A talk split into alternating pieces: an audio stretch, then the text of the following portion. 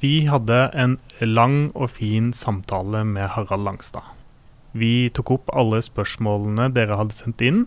Og derfor måtte vi dele episoden inn fire episoder. Her kommer fjerde og siste episode. Hei, og velkommen til Hverdagen med NTL. Jeg heter Torgeir Homme. Og mitt navn er Ove Thorheim Sandvik. Vi lager nå NTL Navs medbestemmelsesskole. For å gi deg en enkel innføring i det viktigste rundt medbestemmelse i Nav. Så hvis du er ny som tillitsvalgt, Eller litt gamlere tillitsvalgt som trenger oppfriskning på basicen, eller hvis du bare er litt interessert i medbestemmelse, så er dette noe for deg. Hvis vi går videre, så har vi fått noen spørsmål knytta til arbeidsmiljøloven. Eh, Lillian Skrede hun spør hvor langt bør og må arbeidsgiver strekke seg når det gjelder tilrettelegging? Og hva er rimelig av ansatt å kunne kreve?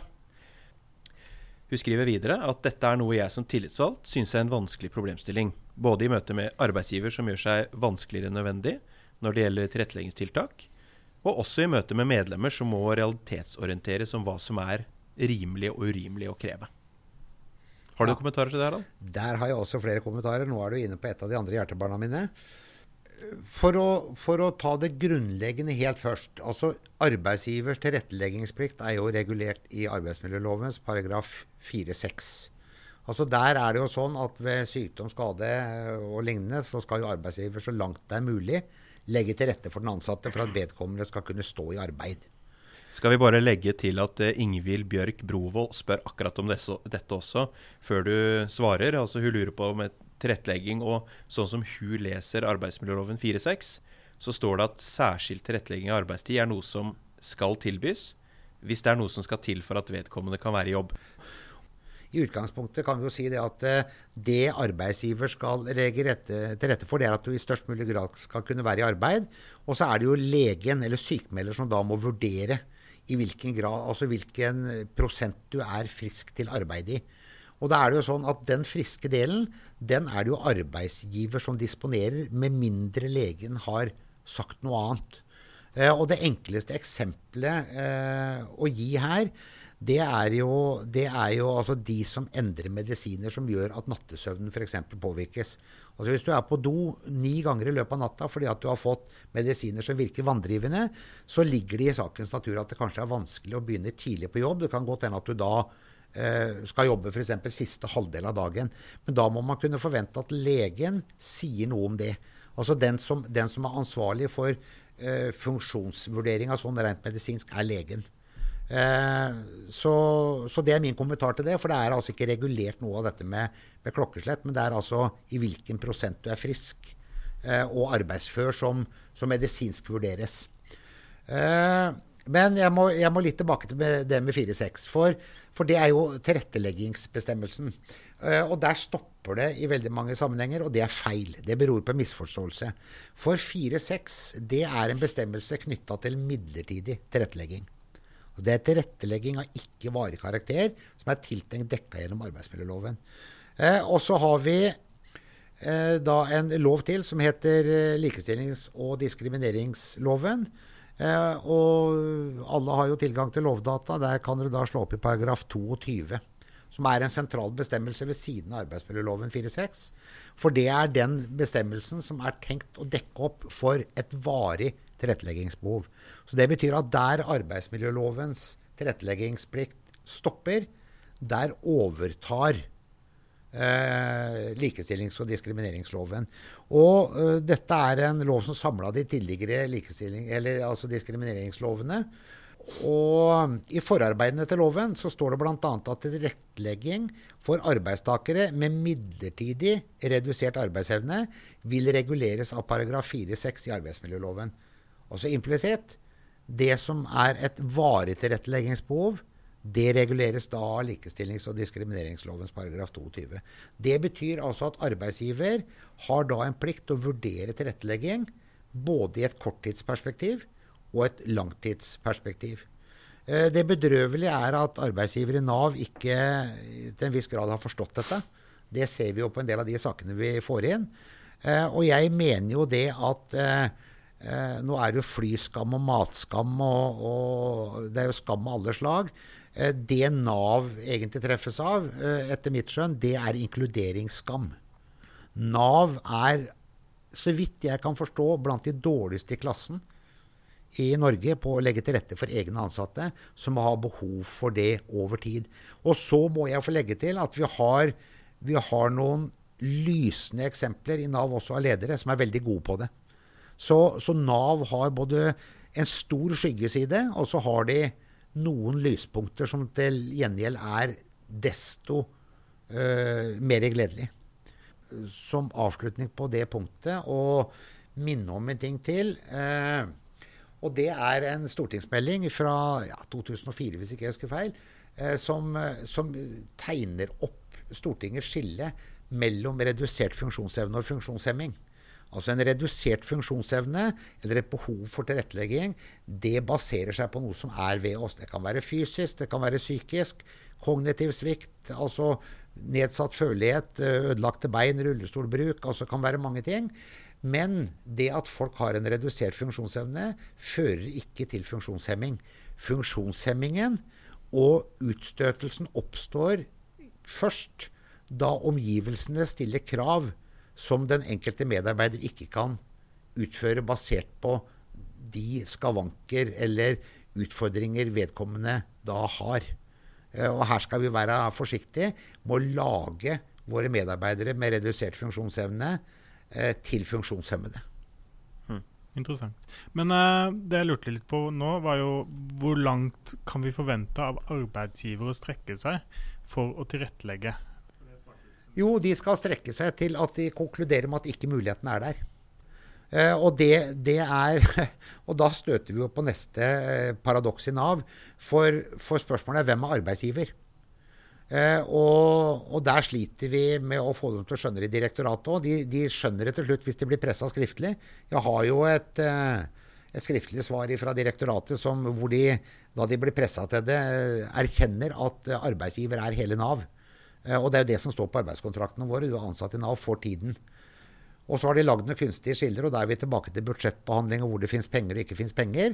Men arbeidsgiver skal strekke seg så langt og, som til at man må finne ut er det i det hele tatt ikke arbeidsmuligheter i Nav. Nei, da må man realitetsorientere folk til at eh, da er kanskje karrieren i denne etaten over.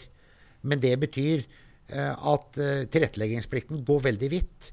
Det å ha en av Norges største arbeidsplasser og si at ikke det fins tilretteleggingsmuligheter, det er i beste fall veldig spesielt. Og så uh, har jeg lyst da, Jeg har jo noen sære hobbyer. En av de er jo å lese dommer.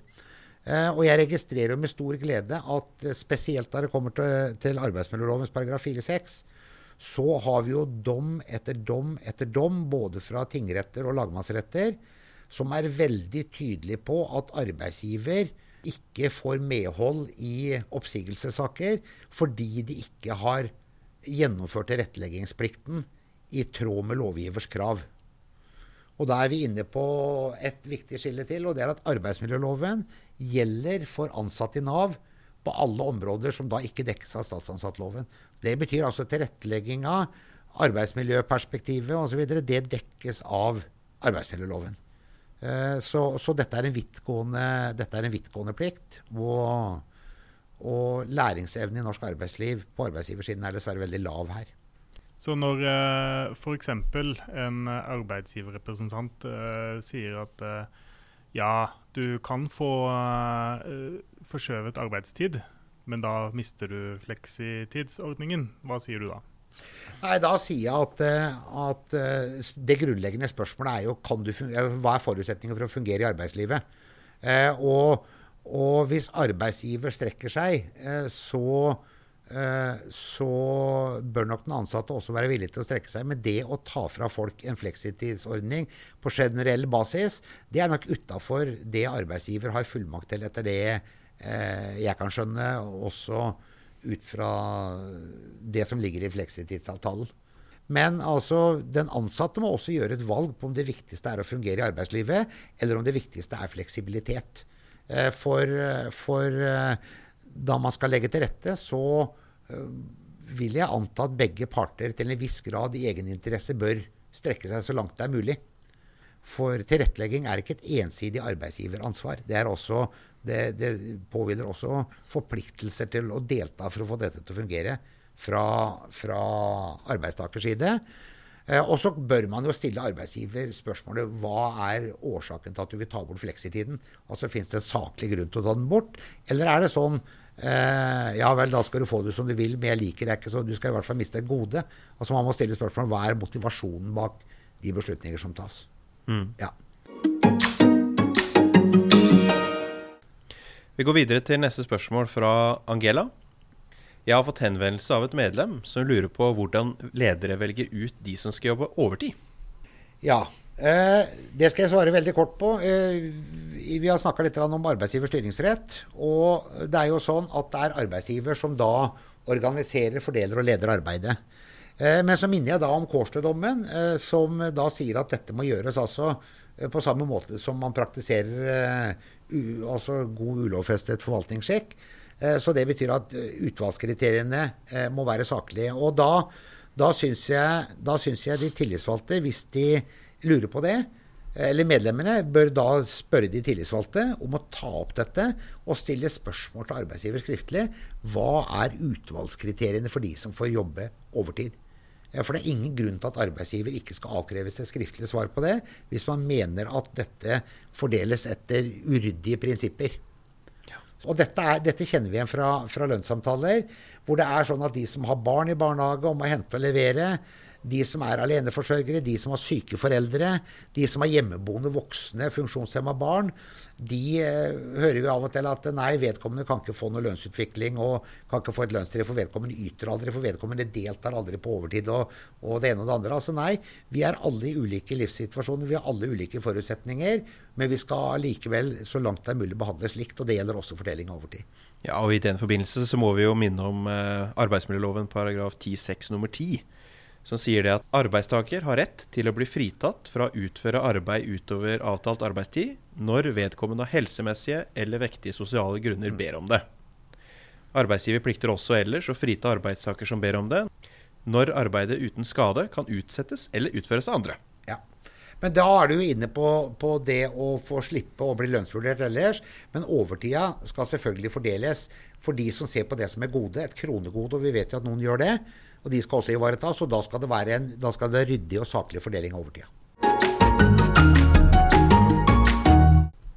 Da går vi over til personalsaker. Vi har noen spørsmål her. Ingvild Brovold igjen, som har et spørsmål om hvordan man skal være når man deltar i samtale mellom medarbeider og arbeidsgiver. Dette har jeg så godt som ingen erfaring med. Hva er min rolle som tillitsvalgt? Skal jeg delta i samtalen, eller skal jeg bare være der for å se at arbeidsgiver ikke sier noe som de ikke, ikke skal si, eller at medlemmet går med på noe som ikke er lurt? For Punkt én. Eh, da vi da kommer til, kommer til uh, vanskelige saker, uh, så bruk rådet 'ring en venn'. Ring, ring gjerne meg, altså ring, ring, andre hvis det er noe du lurer på før samtalen. For å få en avklaring. Det er derfor vi er her og, og er tilgjengelig stort sett døgnet rundt, så, så, går det an å drøfte det konkrete. For det er vanskelig å spare helt generelt på det. Eh, og så gjelder det å eh, forberede seg før møtet. Eh, for du skal ikke nødvendigvis være passiv, men noe av jobben den tillitsvalgte har, er å forberede den ansatte på hva man forventer at arbeidsgiver vil komme med, og hvordan det skal svares opp. Og de aller fleste vil normalt sett ha en viss formening om eh, hva dette kommer til å dreie seg om. Og I tillegg skal man selvfølgelig kreve i forkant av et møte at det kalles inn med dagsorden. Altså man skal vite hva man skal møte eh, for. Eh, sånn at den ansatte, på lik linje med arbeidsgiver, har en reell mulighet til å forberede seg. Og der blir jo den tillitsvalgte viktig. Og det er sånn at i en del saker så vil, vil folk være litt emosjonelt styrt hvis det er vanskelige saker. Eh, vi ser det bl.a. i saker tilknytta alkoholproblemer, alkoholproblemer i nær familie, syke barn. Altså ting som ikke fungerer. Eh, og da er det viktig at den tillitsvalgte kan tre inn og bistå den ansatte eh, hvis situasjonen blir vanskelig. Det kan være med å både forklare den ansatte situasjonen, og det kan være å be om å få pause i møter. Så vil jeg gjøre oppmerksom eh, på en ting til. For hvis, hvis, disse møtene er av en karakter som kan føre til en tjenestelig reaksjon, altså hvis saker kan ende opp som personalsaker i, i, i ansettelsesråd, eller det kan være oppsigelse, suspensjoner, avskjeder osv., så, videre, så gjør jeg oppmerksom på følgende, og det er at etter forvaltningslovens paragraf 2-2 eh, så er altså oppsigelse Eh, avskjed, eh, altså tjenestelige reaksjoner, det er enkeltvedtak. Og Da skal den tillitsvalgte være klar over at her er det en innledende sak da som ender ut i et enkeltvedtak. Altså Det har noe med innsynsretten å gjøre. Det har noe med kontradiksjonsretten, altså imøtegå eh, det som hevdes ut fra eget ståsted. Eh, på en ordentlig måte. Altså, her, her, ligger det mange faktorer man skal være klar over. Så det kan være alt ifra Eh, ting som kanskje ikke er så alvorlige, til ting som eh, i ytterste fall er avskjedssaker, og da er det veldig alvorlig.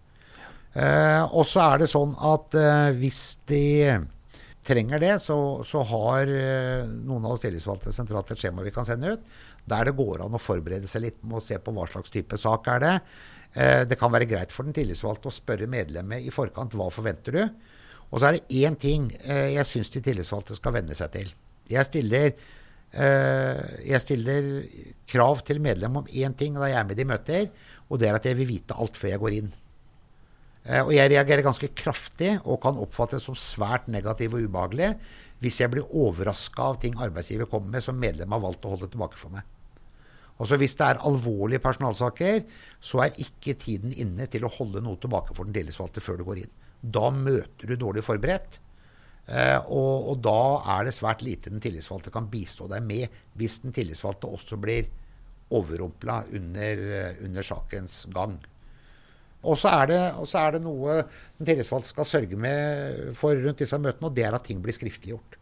Så Det å få dokumentasjon er en viktig rolle for de tillitsvalgte. Og da påpeke eller påpeke at altså, vi har kalt etter møte, vi har ikke fått dagsorden, dere får være vennlig og sette opp det møtet på nytt. Vi vil vite hvorfor vi skal møte. Vi skal ha et referat fra møtet. Vi skal ha muligheter til å komme inn med innvendinger på referatet osv. osv. Ja, det er noe viktig du sier der, for jeg kjente meg litt igjen i spørsmålet fra Ingvild her.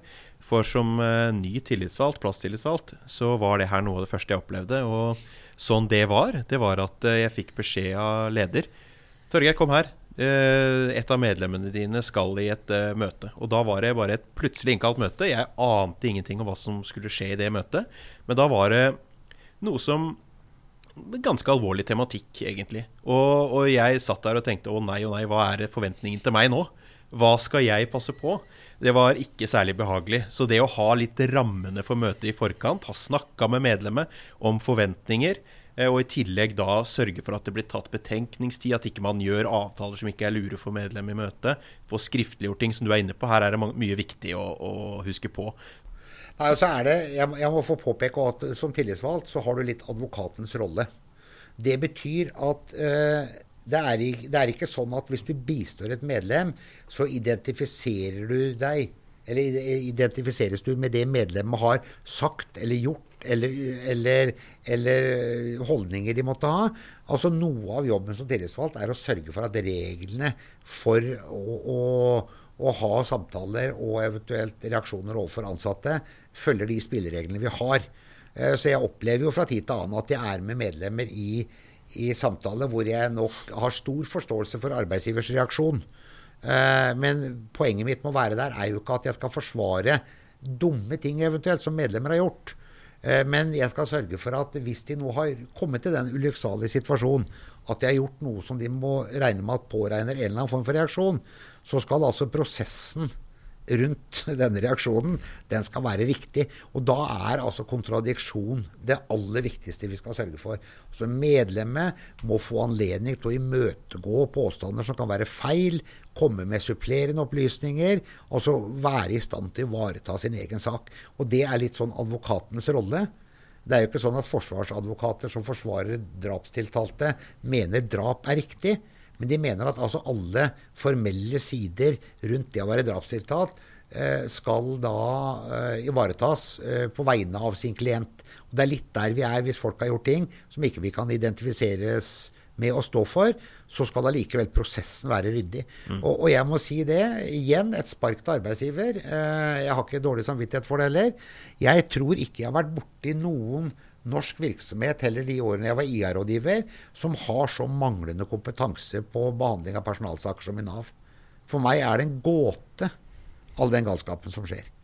Det er enkle ting som skal oppfylles.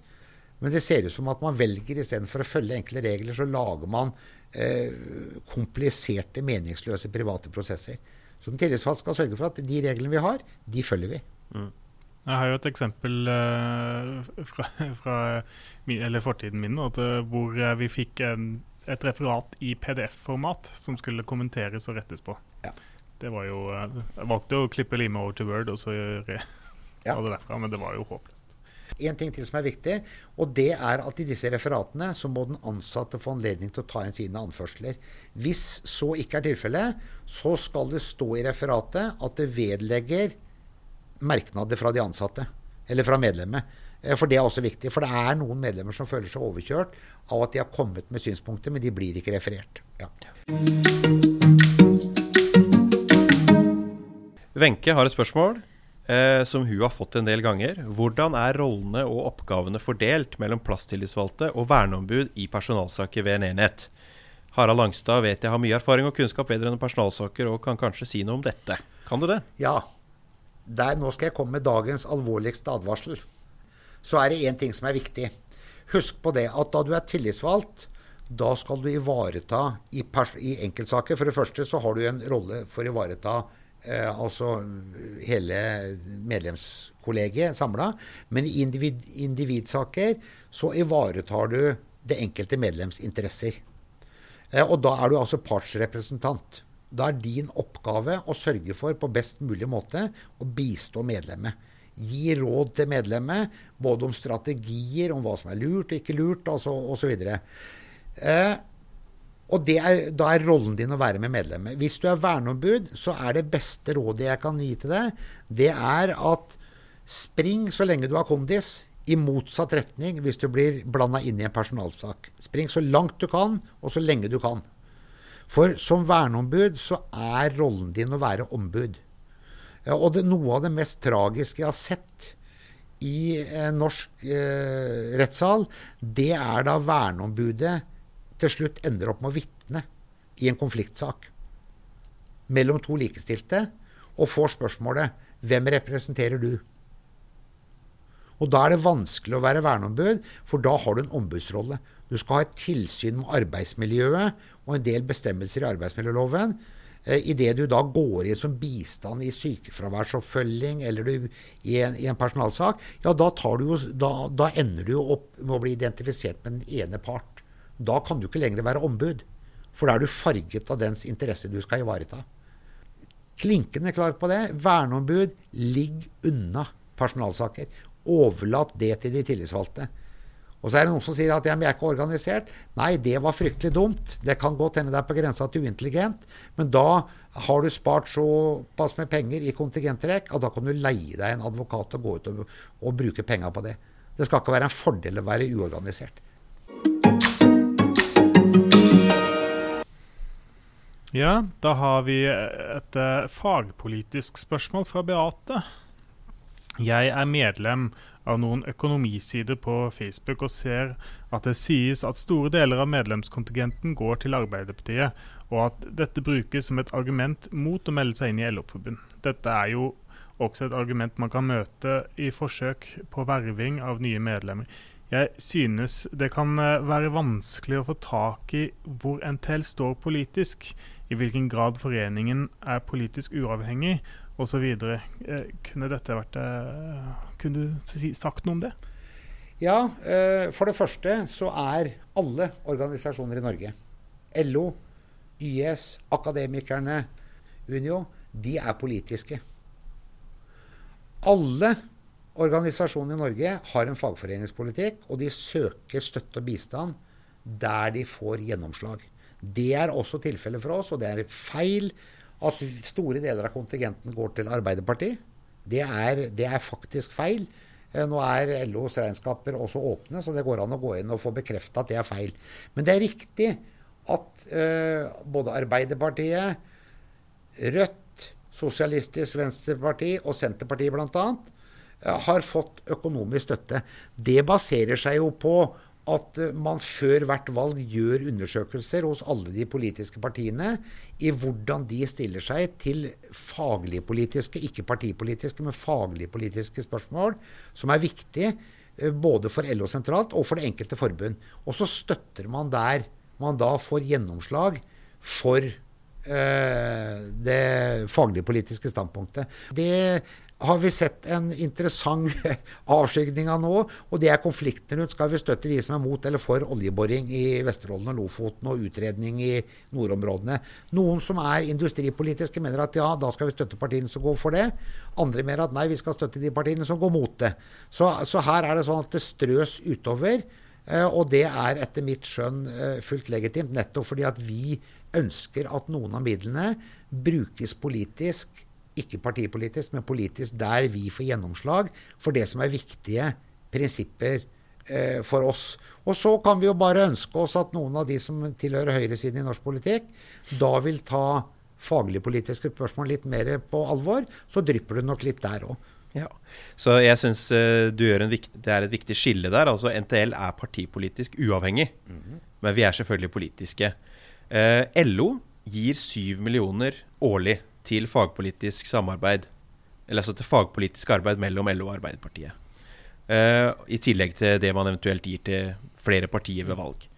Eh, og det skal jo egentlig da være for å sikre at LO og medlemmene våre sin stemme påvirker politikken til Arbeiderpartiet mm. i de spørsmåla som vi syns er viktig, ikke motsatt. Og så tenker jeg da at det tilsvarer 7 kroner og 50 øre av medlemskontingenten din. Uh, det er ikke så voldsomt.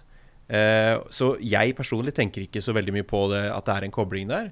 Jeg er med i fagbevegelsen for helt andre uh, grunner. Uh, ellers så er på en måte den koblinga som ligger der historisk, ikke så unaturlig. For det var i sin tid de samme folka som starta både Arbeiderpartiet og LO for å kjempe på ulike måter for arbeidsfolks interesser. Så det er en historisk sammenheng der.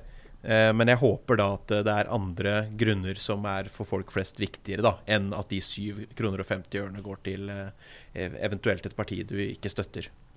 Nei, Og så kan vi si at det, altså det, går økonomi til en del andre ting. Altså vi er med i tankesmier, vi er med i forhold til forskning, bl.a. Fafo. Vi, er, vi, er, med i forhold til Norsk Folkehjelp. Altså det er jo ikke fordi vi ikke liker Røde Kors. Men det er fordi at altså, avstamningen til Norsk Folkehjelp er arbeiderbevegelsen. Eh, mange av våre medlemmer syns det er godt med et glass rødvin og blir godt og marinert på helgetid. Og, men det betyr jo ikke antageligvis at jeg er mot at eh, fagbevegelsens alkoholpolitiske arbeid får støtte. Altså, her er det sånn at det som er viktig samfunnsmessig for fagbevegelsen, det støttes av fagbevegelsen. Eh, og det, det, som også har vært viktig, og som må sies, uh, sies noe om her, Eh, det er altså, da man bl.a. har oppfordra til å stemme rød-grønt for å gå til forrige valg, så handler jo ikke det om at man skal støtte ett parti eller to partier. Nei, det handler om at man skal støtte de som da arbeidsgiverpolitisk og miljøpolitisk f.eks. gir gjennomslag for det LO-kongressen har utpekt som eh, altså den kommende periodens politiske eh, ståsted for, for, hva som er viktig for oss eh, sånn, i forhold til hvordan samfunnet utvikler seg. Uh, en lokal Avio-representant fortalte meg at NTL, hvis et medlemskap i NTL på 90-tallet, 80-tallet, var et medlemskap i Arbeiderpartiet, er det noe du kan uh, avkrefte eller bekrefte? Ja, det, det, kan jeg avkrefte på det sterkeste. Og jeg har venner i fagbevegelsen som er medlemmer i alt fra Frp til Rødt. Mm. Og, det er, eh, og det, er, det er viktig. Men eh, takke seg til at vi erkjenner at vi er faglig politiske. For organisasjoner som hevder seg å være upolitiske, de framstår i mitt hode bare som latterlige. For politikk betyr å ønske å påvirke. Mm. Og Det betyr ikke at det er knytta til ett parti, men det betyr at vi ønsker å eh, påvirke samfunnsutviklingen. Og da kan jeg jo eh, som avslutningspunkt eh, si det at NTL Nav vi svarer også på en del høringer som ikke er knytta til vårt faglige politiske arbeid, men som er knytta til ting eh, altså faglige som Nav driver med i forhold til våre brukere, fordi vi mener at det er ting som er prinsipielt viktig i et samfunn sett fra vårt ståsted. Så Det betyr at vi svarer på en del høringer som ikke griper inn i vår hverdag, men som vi syns det er viktig å komme med innspill på i forhold til at vi også har et brukerperspektiv i det vi gjør. Hører man om du har noe positiv erfaring med å være tillitsvalgt? Ja, Har du en litt sånn historie til slutt? Noe grunn til å være tillitsvalgt eller noe sånt noe? Ja, jeg har, fått, jeg har jobba en del med, med, folk med redusert funksjonsevne. Fikk et spørsmål tilbake i tid ifra, ifra en av informasjonssekretærene i, i eh, Blindeforbundet. Uh, hvordan, hvorfor jeg var så engasjert i disse her problemstillingene, og, og, om jeg hadde noen personlig relasjon til det. Hadde jeg familiemedlemmer som var berørt eller noe sånt? Uh, for det er jo en del som har, det har gått opp for en del at jeg er relativt upopulær. Jeg er uspiselig i en del sammenhenger og er til stor irritasjon når jeg presenterer meg sjøl. Så, så er, bruker jeg det kjemiske tegnet for irriterende. Og, og, svaret mitt da til, til denne medarbeideren i Blindeforbundet det er at eh, det som driver meg, eh, det er for det første at jeg har ikke bonus eller noen sånn type ordning. Jeg har fast lønn, og noen må gjøre jobben. Hvis jeg ikke gjør det, og ingen andre gjør det, så betyr det at de som sliter mest, ikke har noen til å ivareta seg. Eh, og det har, noe, det har noe sammenheng med oppveksten min. Og, og de kravene som blir stilt hjemme. Det var ikke lov å være middelmådig. Og det var ikke lov å ikke ta hensyn til de som eh, satt lenger ned ved bordet og hadde et behov for bistand. Så, eh, og det er drivkraften min. Eh, jeg har sterk avasjon mot alt som er, jeg syns er urettferdig og urimelig. Det var en fin avslutning, Harald. Da er det gjenstår det bare å si tusen takk for at du kom. Takk for meg. Dette syns jeg var svinaktig moro. ha det godt, da. Ha det godt. Ha det fint. Takk til deg som hørte på. Hvis du har spørsmål eller kommentarer, ris eller ros, så er vi veldig takknemlige om du sender en e-post til torgeir.homme alfakrøll nav.no. Vi høres.